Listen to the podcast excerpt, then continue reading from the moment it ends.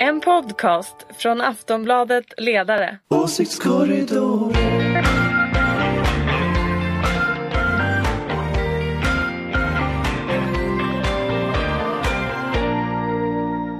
Hej och välkomna till Åsiktskorridoren. Det är måndagen den 11 maj. I Stockholm råder en kylig vår och ingenting tyder på att vi är på väg att lämna coronatillvaron.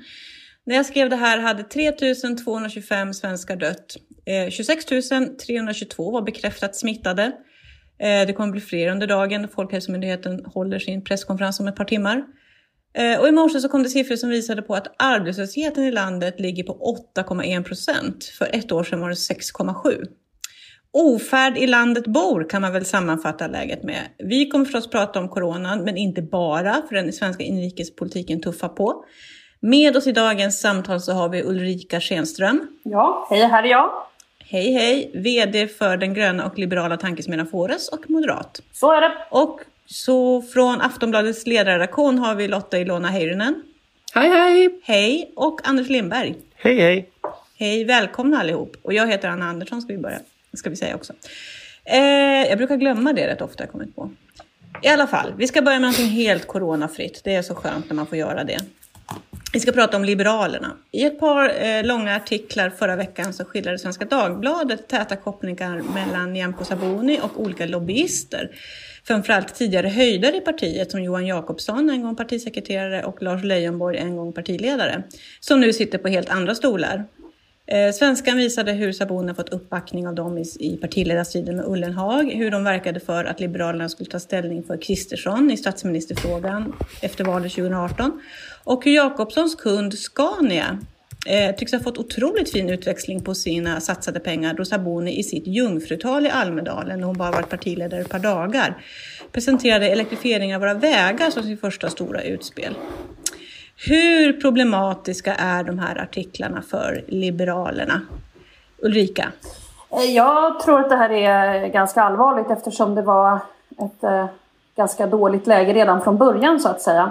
Eh, och jag tror att vi i den här podden har pratat flera gånger framför allt om det där talet i Almedalen om att hon valde just den nyheten när man tar över som partiledare. Så jag hade ju valt, om jag hade varit henne, något, något kring jämställdhet och en, en ny syn på jämställdhet och ja, lite så här modernt så att säga.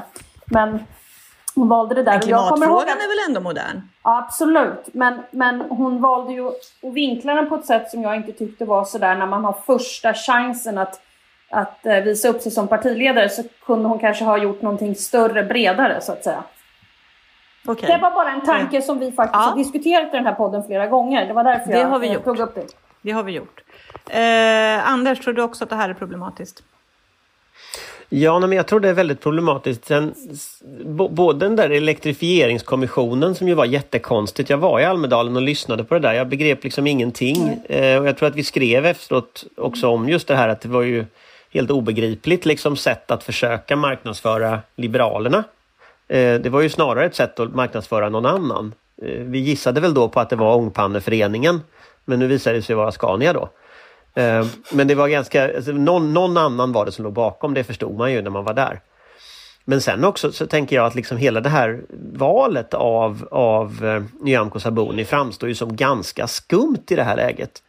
Och, och jag kommer ihåg det var någon, någon eh, mätning som gjordes av vänner till Nyamko Sabuni som sen inte riktigt ville träda fram som påverkade valet och det var, det var någon Carl som trädde fram Hamilton tror jag. jag trädde fram va? Ja, en trädde, Carl Hamilton Mm. trädde fram. Men det är klart att man, man undrar ju vilka det som var som finansierade hennes kampanj när den här typen av nyheter kommer upp. Så att, så att liksom, hur, hur, hur köpt är det här liksom upplägget egentligen? Det undrar Mm. jag. Och, och det är ju klart att som partiledare efter en sån, efter en sån process, det är ja, nej, knepigt. Lotta, jag vill ha dina fem cent också. Ja, alltså jag, har, jag tror att jag skulle kunna ge eh, en, eh, en, en hel krona för, eh, eller dollar för, för allt det här. Men alltså jag tänker att det är ju, alltså det, dels är det klart att det är allvarligt för, för Saboni. Det är ett, det är ett pyttelitet parti. Det, det krävs nog inte så mycket, alltså det, en, en mindre skandal hade nog kunnat få henne att och skaka. Eh, och det här är ändå ganska stort men det jag tycker är allvarligast i det här egentligen är ju att det här är ju ett större system. Det, det här handlar ju liksom om svängdörrar som finns mellan, dem, mellan nästan alla. Eh, alla etablerade partier. Eh, kanske inte på precis det här extremt flagranta sättet ska väl läggas till. Eh, men det är ett problem vår demokrati har och det är otroligt normaliserat i alla partier. Mm. Eh, jag, jag, skrev, jag skrev ledare om det här häromdagen och, och började prata med några, några socialdemokratiska eh, ja, liksom, vänner och bekanta och alla var så att man, man får ju en foliehatt så fort man lyfter upp det här. Eh, alltså att, så här, att, att man blir anklagad för att vara konspirationsteoretiker samtidigt som alla vet att så här, det här finns. Vi har alla fått de där mm. mejlen. Flera av oss har säkert fått ett och annat rekryteringsförsök också. Liksom. Ja, nej, men för det jag har tänkt på när det där, eh, efter de där artiklarna kom så var det ju att liksom vanligt folk och journalister reagerade starkt. Men däremot många som är verksamma i politiken, de tyckte jag försökte spela ner det här och säga, men så här går det till, vad tror ni? Exakt. Det här korv, eh, ni vet hur korv blir till och så vidare. Ulrika, vad säger du om det? Nej men alltså opinionsbildning har ju alltid funnits. Jag menar det är bara att titta på LO och, och, och fackförbund som, som sådant. Men när det handlar om en massa pengar som är inblandat och det kanske är så att det går, gås ärenden som handlar om plånböcker. Det är ju då det börjar bli väldigt konstigt. Jag har ju själv jobbat som konsult men vi jobbade ju inte med några partier överhuvudtaget. Eh, de flesta gör ju inte det.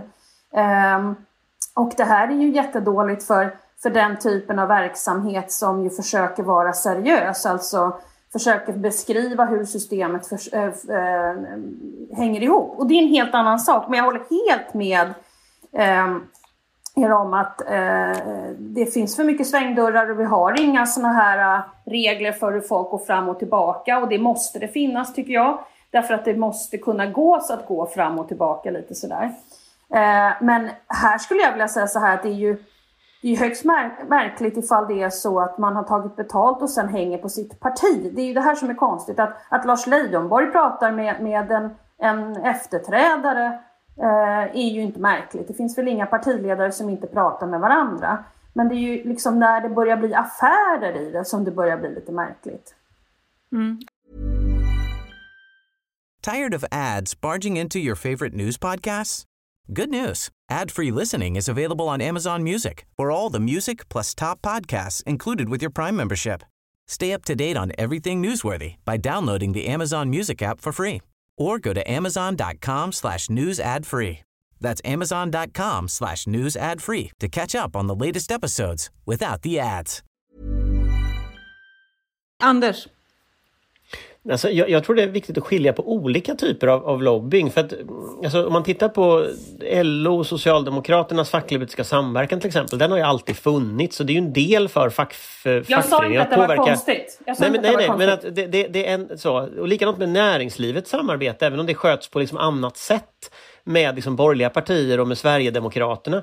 Att det, det, är, det finns ett legitimt intresse att för liksom, olika intressegrupper eller intressen i samhället att påverka politiker. Det är liksom inget konstigt.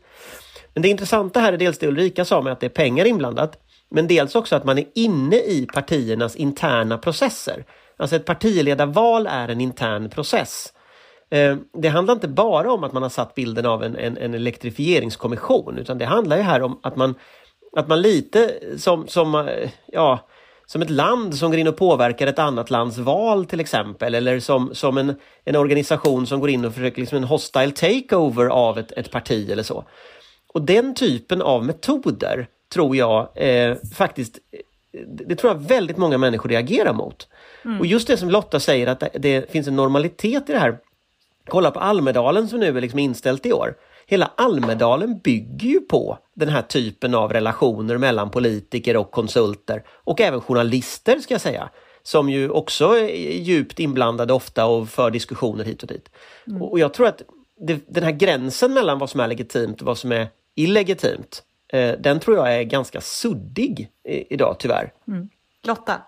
Så jag tror att det finns väl liksom ingen egentligen som, ehm, eller ja, åtminstone ingen som, är, som inte är väldigt långt vänsterut eller så som, eh, som ifrågasätter att det att, att folk pratar med varandra och att det finns liksom påverkansarbete och, eh, och, och, och viss, viss form av lobbying och samverkan och så vidare. Eh, liksom det handlar ju om ett helt samhälle och alla politiker kan liksom inte ha kompetens om allting. Problemet här är bristen på transparens. Att vi inte vet. Dels är det liksom pengarna, eh, att det är pengar involverade. Men det andra är att vi inte vet. Att väljarna får inte veta. Att partimedlemmarna inte får veta. Det tycker jag är det konstiga viktigaste i det, särskilt i ett parti som S. Alltså apropå det du sa Anna om att det spelas ner från, från partiernas sida, vilket jag också uppfattade som att det gör, men att partimedlemmar inte blir rosenrasande över det här. Vem är, vilka är det de, det är ju deras företrädare som man har röstat fram i en massa demo, liksom interna demokratiska processer, kongresser som fattar beslut, en massa partimedlemmar som lägger ner hur mycket ideellt engagemang som helst i att liksom försöka förbättra världen utifrån sina olika ideologiska ståndpunkter. Och så får man veta att den som man har liksom haft förtroende för och den som man vill ska leda liksom medlemskåren och partiets liksom hjärta och själ, att den är köpt. Mm. Eller ens riskerar det. Mm, mm. det. Det tycker jag. Nu viftar Ulrika här. Ja, nej, men jag håller helt med. Det är precis det här som är problemet. Det är partiet som är problemet här. Och hur många gånger har jag inte suttit och gapat om att vill man hålla på med politik så bör det utgå ifrån att man vill förändra världen. Man vill förändra och förbättra för andra människor. Makt och position kommer. Men om det bara handlar om makt och positioner och din egen taburett eller din egen framtida taburett där, där makten är framför allt och inte någonting handlar om att liksom förändra världen. Då blir det så här. Det är då man mm. kanske börjar liksom köpa tjänster eller man, man förmår inte själv att känna i hjärtat, att brinna för att förändra och förbättra för andra människor. Utan man vill så till den här ringen, man vill bara till ringen. Och det är bara det som blir drivkraften. Och det här har jag varnat för under en väldigt lång tid. Att många av ungdomsförbunden bara engagerar sig där för att få bli politiskt sakkunniga i olika departement och så vidare. Och, och det, det, är verkligen så fruktansvärt obehagligt. Och när det tar sig in i ett parti, sådana här typer av strukturer, så är det på fallrepet, helt klart. Men Saboni är ju ingen nybörjare tänkte jag. Alltså hon har ju varit engagerad i, alltså när de fortfarande hette Folkpartiet och långt tidigare än så. Alltså hon borde väl ändå ha någon slags, vet inte hennes, de som, alltså de som är med i Liberalerna vad hon står för? Fast jag tror faktiskt att det här är någonting de flesta som röstade i Liberalernas interna val inte visste om. Det kan till och med vara så att de hade röstat annorlunda om det var så att de hade fått reda på det. Det var ju därför det var så viktigt att hålla det hemligt. Mm. Därför att hade man inte trott från Sabonis gäng att det här var ett problem, då hade man ju varit öppen med det. Nu har man ju försökt mm. hålla det hemligt och det beror ju på det naturligtvis. Jag, jag får, jag får liksom en flashback lite till, det, det har ju hänt sådana här saker tidigare. Jag vet inte om ni kommer ihåg det, men Svenskt Näringsliv till exempel, som, eller om det var Almega eller vilka det var, någon var det, eh, från näringslivet som lobbade på Sverigedemokraterna för att ändra sig om vinst i välfärden till exempel. Det var ju en stor skandal när det avslöjades. Ganska framgångsrikt får man säga. Ganska framgångsrikt. eh, Primegate som ju var en, en, en sosse-variant på temat, är ju några år sedan, var ju också stor skandal. Eh, det har liksom under årens lopp varit ett antal tillfällen när det här har hänt, att man liksom inte har hållit riktigt ordning på den där gränsen mellan legitimt och illegitimt. Och, och, och jag kan tänka mig att Alltså politiker behöver ju breda kontaktytor. Alltså politiker behöver ju också på ett sätt lob lobbyingen för att få kunskap och insikter om olika delar av samhället. Eh, utan intresseorganisationer så, så, så skulle ju så väldigt mycket av det som är på något sätt allmänna debatten, kunskapen i samhället skulle ju inte finnas där. Och där politiker kan inte veta allt. De måste ha den typen av, av, av liksom kontakter också. Och därför tror jag det är så viktigt att just dra den här gränsen. Vad är så på sätt, påverkan som ligger utanför det här etiska området? Och ett sätt att lösa det, det är att ha lagstiftning. Att göra som EU-parlamentet till exempel, att man reglerar vilka politiker får träffa. Man måste redovisa eh, kontakter. Eh, eller så kan man ha etiska koder i den här branschen. Frivilliga etiska koder, det brukar vi gilla i Sverige.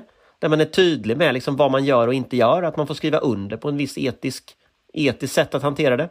Så det finns ju massa metoder som vi inte mm. använder. Okej, Lotta först och sen Ulrika.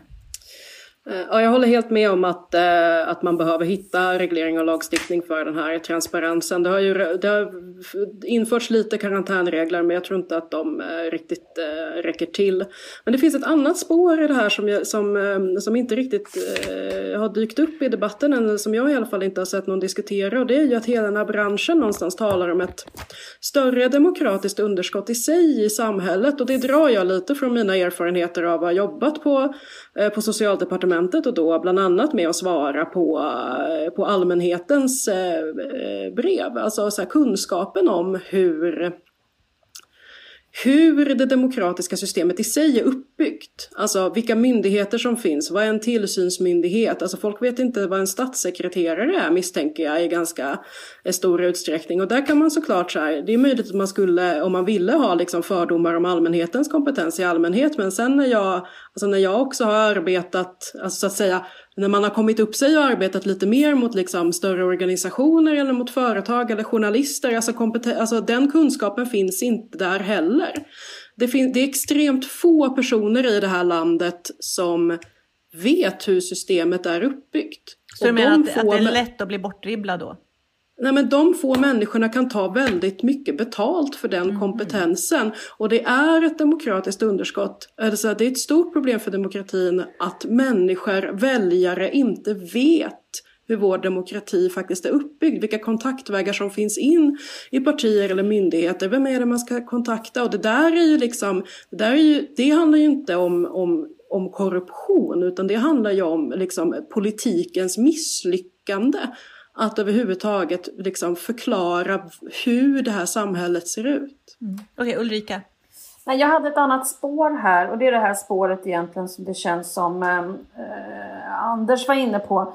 Alltså om man läser de här artiklarna så verkar det ju som den senaste tiden, vi börjar från andra hållet, den senaste tiden har det varit och börjar komma upp ett bråk om, om, om de här företagen i, i eh, våra välfärdsföretag.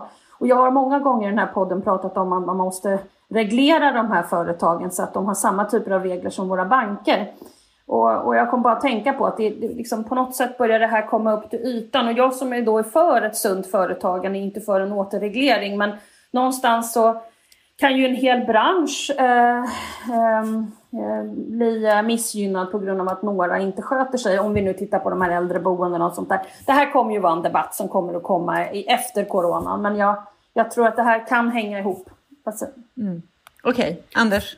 När jag tänker om man ska dra lite större perspektiv på detta, då, då tänker jag att, att, eh, det här låter kanske lite cyniskt, men jag tror att en av orsakerna till att det finns, börjar finnas ett regeringsalternativ som är M, eh, KD med uppbackning av SD i, i, i, eh, liksom i debatten, att det, att det regeringsalternativet har uppstått. Det tror jag i ganska hög utsträckning faktiskt är lobbyister Eh, och, och mycket välfärdsföretagen som ligger bakom detta. Och jag tror att det finns en slags, eh, jag tror att, kan säga, det, här, det här sättet Svenskt Näringsliv hanterade SD, när man liksom gick in och köpte deras åsikt om vinst i välfärden. Det, har ju, det präglar ju politiken idag på ett oerhört dramatiskt sätt. Och det är klart att det finns en ganska stor del inom liksom den företagarvärlden i välfärdsföretagen som vill ha kvar sina vinster. Och nu har väldigt mycket pengar att lägga på lobbyister och lägga på påverkanskampanjer och lägga på, på ett annat regeringsalternativ än det som sitter idag. Eh, och, och, jag menar, jag tror till och med man kan nästan peka ut vilka lobbyister det är. Alltså vilka företag det är, vilka, vilka lobbyfirmor det är som har jobbat med de här sakerna. Eh, eller det kan man, det är ganska lätt att bara, bara se vilka som var, har varit i debatten de senaste åren. Och det där gör ju att lobbyismen blir ett, ett demokratiskt liksom, problem på en nivå som, som man inte riktigt har sett förut. Och då blir ju just gå in och köpa eh, säg liksom Liberalernas politik, det blir ju på något sätt en del i ett mycket större mönster. För mm. de där personerna är ju inte bara aktiva i Liberalerna. Nej. Jag, jag, ska nu backa tillbaka lite grann från principerna. Äh, vänta, förlåt, Ulrika viftar. Nej, men om vi ska byta ämne vill jag bara fråga en sak. Nej, vi ska inte by riktigt byta ämne, men ja, fortsätt. Jag vill bara fråga om ni tror att hon kommer få stanna kvar? Ja, det precis var dit jag ville komma. Tillbaka från principerna, hem till Sabuni. Eh, Hur påverkar, vad kommer att hända med? Vi ska också säga att redan innan det här skrevs så har det gjorts ett antal mätningar. Jag tror det var SVT som publicerade den senaste jag såg. Då hade Liberalerna 2,6 procent. De ligger alltså under 3 procent. Så det är ju ett problem med parti, eller ett parti med problem. Eh, redan innan de här artiklarna publicerades. Vad kommer att hända med Sabuni? Vad tror ni? Det är bara en gissning. Alltså partier ja, är, ju, är, ju, är, ju, är ju sina egna organismer och i Liberalerna, de är väl, de är inte så många liksom, alla känner ju varandra. Eh, ganska det var väl. ett år sedan hon valdes. Alltså det har ju ja. inte ens. Nej, alltså jag, jag, tror att det är ett problem att sitta kvar över valet om man är ett uppenbart sänke. Och risken är ju att hon håller på att bli det. Jag såg henne på tv i morse när hon skulle försöka försvara detta och det gick väl inte jättebra.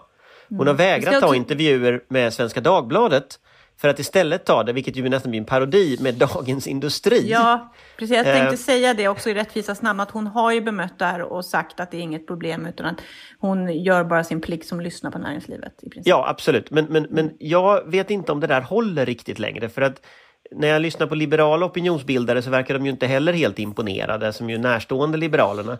Så, att, så att jag, jag undrar, jag har hela tiden trott att Liberalerna valde fel partiledare. Eh, jag tror att eh, Erik Ullenhag hade varit liksom en socialliberal partiledare, vilket ju inte finns riktigt i debatten idag. Så det, det hade Ulrika varit... nickar här när Anders ja. pratar. Ska vi säga. Nej, men det hade ja. varit en annan liten ekologisk nisch. Vi är alldeles för ense numera.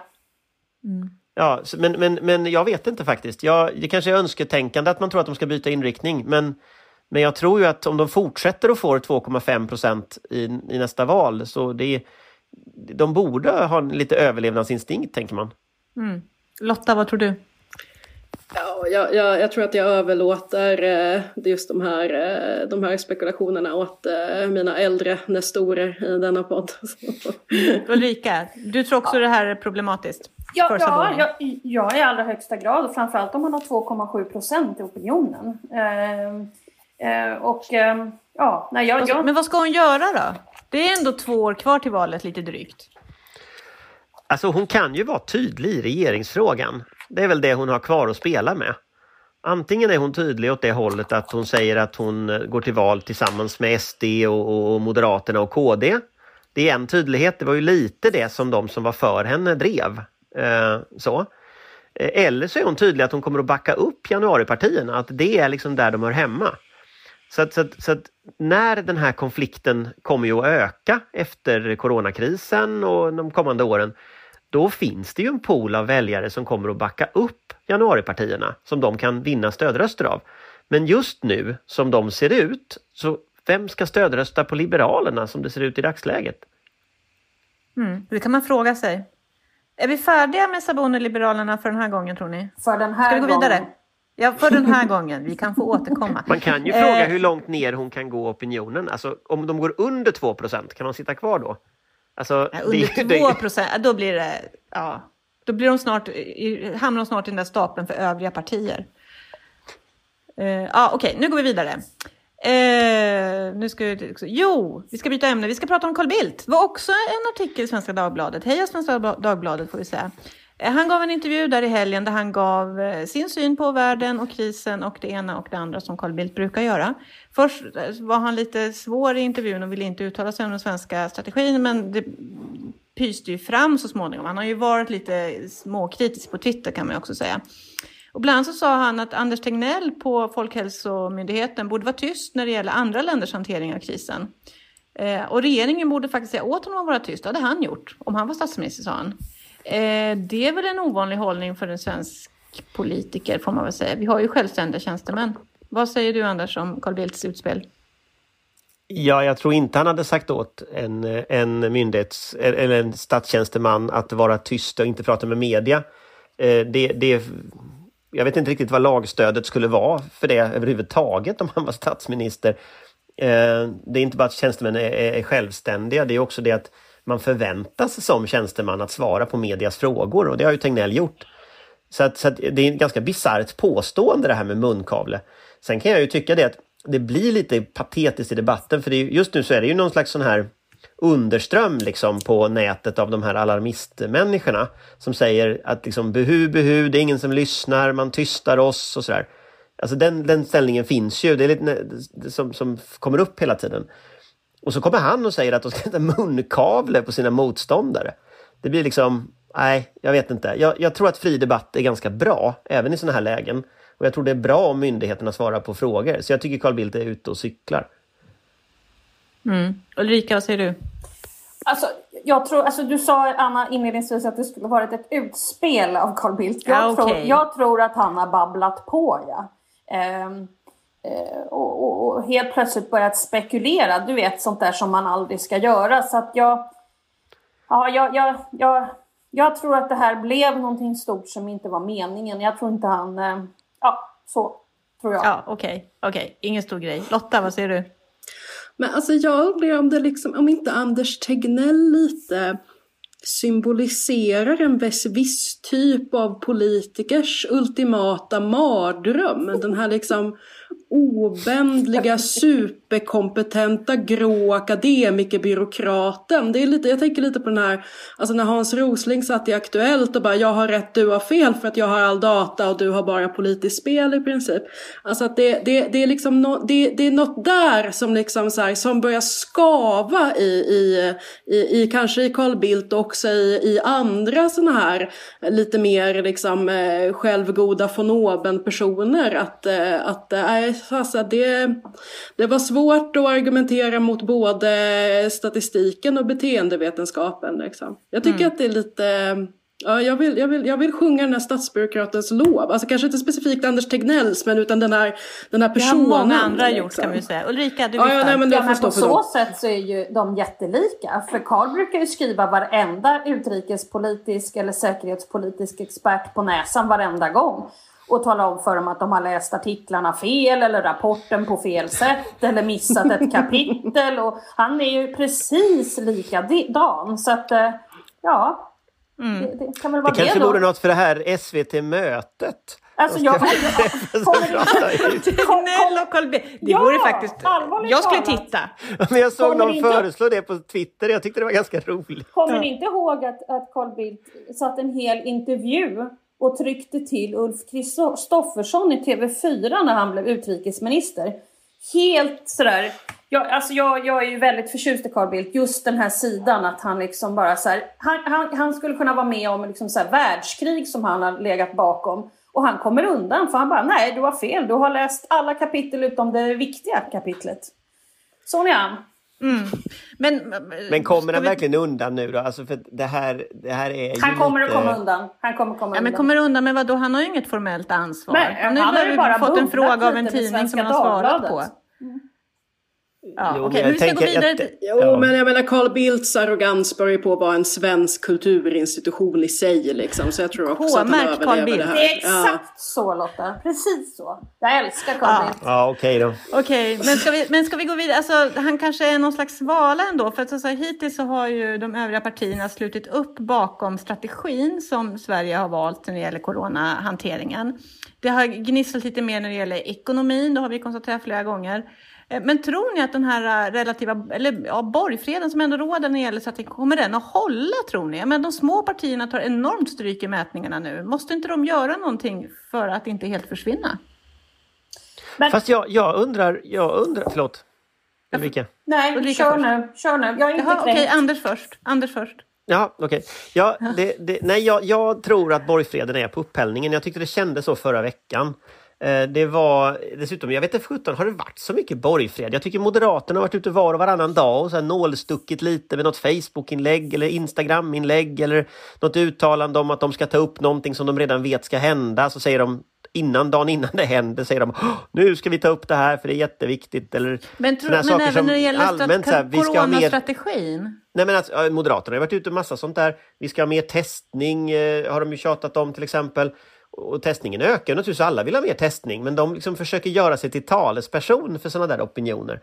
Så att borgfreden, jag skulle säga att borgfreden har ändå liten, hela tiden haft en, en, en, liten ja, skak, skakighet. Men däremot så tyckte jag det kändes förra veckan när man liksom lyssnar Elisabeth Svantesson, Det var liksom den här debatten om aktieutdelningar där de var väldigt snabba ute och var mot aktieutdelningar.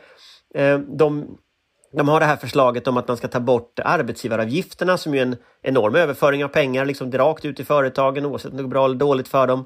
Alltså det börjar göras en massa liksom riktig politik. Och det håller inte. Eh, så jag skulle säga att jag tror borgfreden har ett, ett dödsdatum och det är, jag tror att det är den 15 juni va? som eh, vårdebatten, eller vårbudgeten ska 16 beslutas. Juni. 16, 16 juni. Förlåt. Som vår, vårbudgeten ska beslutas i riksdagen, eller debatteras i riksdagen. Jag tror då är borgfreden död. Eh, så jag tror att vi har, vi har en månad lite drygt av så här halvborgfred och där dör den. Mm. Ulrika, vad säger du? Ja, alltså jag är ju av den sorten som tycker att i en rådande kris så sitter man still i båten. Till slut kommer ändå avgörandet om vem som gjorde fel och varför. Eh, och det kommer ju bli en blodig match. Eh, brukar det ju vara en kommission, ofta med Johan Hirschfeldt som chef, som kollar över sakernas ordning. Eh, så att, eh, ja, det är klart att det kommer ju att vara hetsigt för de småpartier som till exempel Liberalerna men jag tror inte att man vinner så himla mycket på att eh, bråka för mycket. Men däremot är jag eh, som alldeles för ofta numera av samma åsikt som Anders. Att det har börjat röra på sig. Upp och ner i världen. Eh, det har börjat röra på sig och jag tror att det rör på sig i de här, alltså de här äldreboendena kommer det att stå strid kring. Eh, och då kommer det alltså handla om de här välfärdsföretagen. Och det, det kan jag märka av i lite olika, det finns signaler som är på gång. Mm. Men sen handlar det väl också om skattefrågan. För nu, nu, nu pumpar man ju ut pengar eh, och, och, man gör väldigt många viktiga åtgärder. Arbetslinjen har man ju i princip tagit livet av nu med, med, med att liksom ta bort karensdag och, och ar, ar, arbetslinjen slutade ju på något sätt med att, att äldreomsorgen, att folk gick sjuka till äldreomsorgen. Jag menar, kommer man att kunna återupprätta den typen av saker igen? Det tror inte jag. Utan, utan, och då måste du vid någon tidpunkt här höja skatten. Mm. Eh, det kommer ju bli en jättestrid. Jag menar beredskap kostar ju pengar. Eh, sjukvård kostar pengar, äldreomsorg kostar jättemycket pengar. Mm. Så det, det är klart att liksom, ska vi få en äldreomsorg som Norge som folk pratar om nu, då kostar det naturligtvis mycket mer än vad det gör idag. Och vem ska då betala det? Jag menar, där har vi ju en magnifik höger-vänster-konflikt de kommande åren. Liksom. Okej, okay, Lotta vill jag höra nu. Um, ja, alltså när det, kom, när det gäller de här um, pol, liksom politiska insatser och sånt. Eller så här, jag tror att det, det, som, det som krävs är ju någonting konkret att haka på. Alltså visst har det kommit lite saker från eh, från Moderaterna i, liksom, i, i hur budgeten ska fördelas och så vidare. Och där lär det nog eh, liksom, kunna gå ganska höga tongångar vad tiden lider. Men när det kommer till den svenska strategin Eh, så, så har jag lite svårt att se Alltså det behöver komma något konkret, det behöver liksom komma på, någonting som är blodigt i sig. Jag tänker på Sverigedemokraterna och deras liksom väldigt inarbetade anti-etablissemangs Jo men för, precis, för det var dit jag, jag tänkte att det, ska, det var lite dit jag var på väg också, kanske inte just SD men, men däremot KD, de försökte ju eh, liksom göra politik av äldreboendena lite och vara ute där. Eh, och Ebba Busch Thor har gjort lite utspel, eh, vilka jag ibland alltså i, i, i, i, mitt, eh, i mitt konspiratoriska rum så, så satt jag och funderade ett tag på om bara Ebba Busch Thor agerade testballong åt Sverigedemokraterna. Men det verkar inte gått så bra liksom, för dem när de har försökt. Eh, så frågan, det där kommer ju förr eller senare, men liksom de närmaste månaderna just när det kommer till den svenska strategin, alltså, så här, vi får ju tänka på att folk är jäkligt matta trötta. Alltså människor är trötta, man orkar inte tänka på det här, på det här så här, längre. Jag tror samma sak gäller journalister, också politiker. Alltså så här, semesterlängtan har väl nog antagligen aldrig varit så stor. Mm. Som En letargi börjar bre ut sig. Ulrika viftar. Ja, nej, nu höll jag på att drömma mig bort om det här med semestern när Lotta började prata sådär. Det var bra. Men, men, men jag tror Lotta, det var nog så här. Ebba var väl ute för att rädda eh, Slottner i Stockholms stad. Alltså eftersom eh, det är sånt otroligt... Eh, ja, det, det kommer bli ett stort slag det här Just om de här välfärdsföretagen. på äldreboenden i Stockholm får man ju säga. Eh, Anders? Men, men jag, jag, jag, tänker det här med SD. Jag, när jag, när jag, jag har pratat med folk som håller på med den här krishanteringen liksom rent operativt. Och jag tycker det verkar som att SD försöker göra sitt för att se regeringsdugliga ut i dagsläget. De försöker undvika mm. att liksom vara ute och röja. Och även KD idag ser ut att undvika att vara ute och röja. Därför att det var ju så att när Ebba Busch Thor stack upp huvudet och sa att allt är sossarnas fel då kom ju motreaktionen blixtsnabbt och stenhårt. Förlåt, analfabetism i Järvaområdet. Ja, nej, men hon hade ju några sådana saker där som, som var. Men det här med att sossarna fel, det var just äldreomsorgen. Och, och, så, så jag, jag, tänker ju, jag tänker ju att någonstans, det som folk säger till mig i alla fall när jag pratar med dem, det är att in, alla partier tar ett väldigt stort ansvar. Det gör ju också i förlängningen att alla partier faktiskt är medansvariga för strategin. Det är ingen som kommer kunna säga efter detta att jag hade en annan strategi hela tiden och då hade vi haft guld och gröna skogar. Utan lite så sitter allihopa liksom i samma kanot som skvalpar omkring där ute i, i älven. Eh, och sjunker den kanoten så sjunker nog allihop. Och vad som händer då med det politiska systemet, det kan oroa mig. Sen tror ju inte jag att kanoten sjunker. Nu ser vi ju faktiskt de här dödstalen gå ner kurvorna går ner, man pratar om att vi får allt större immunitet i samhället. Och så, där. så det ser ju ut som att den svenska strategin har gjort det den skulle göra, plana ut kurvan och få sjukvården att funka. Eh, så, så. Mm. Ja, och sen tror jag nästan eh, om det liksom inte blir för, även om det, jag, jag, tror, inte, jag, jag, tror, jag tror också att äh, kanoten, äh, kanoten flyter. flyter. Ja, äh, men jag tänker att äh, egentligen oavsett så tror jag att äh, förr eller senare kommer ju den här kulturkrigsfrågan komma tillbaka på tapeten igen. Jag tror, jag tror Anders har helt rätt i att ingen, eller på ett sätt kommer ingen kunna säga att jag satt med en bättre strategi, men Sverigedemokraterna kommer nog att säga att men vi hade en bättre strategi hela, hela tiden och invandringen har bidragit till till det här. Eh, och det var därför jag blev eh, så upprörd över liksom eh, Busch Thors eh, första Eh, första utspel som kom just gällande smittspridningen i Järvaområdet i Stockholm som blivit väldigt hårt drabbat och som också är väldigt invandrartätt. Och det, det var ju inte kopplat till äldreomsorgen även om det kom, kom sen också. Eh, så, det, så, så det där tror jag liksom ligger, tyvärr är ju inte, Anders har Eh, han har ritat två... en kanot här som man håller upp. Är det två kanoter som slåss Nej, jag tror att den har gått sönder. Nej, den har gått sönder. ja, det där tror jag... jag inte ni ska Förlåt Lotta, var du klar? Nej, Lotta ja, på Uh, Man kommer så distraherad av, eh, av konstnärskapet. Ja.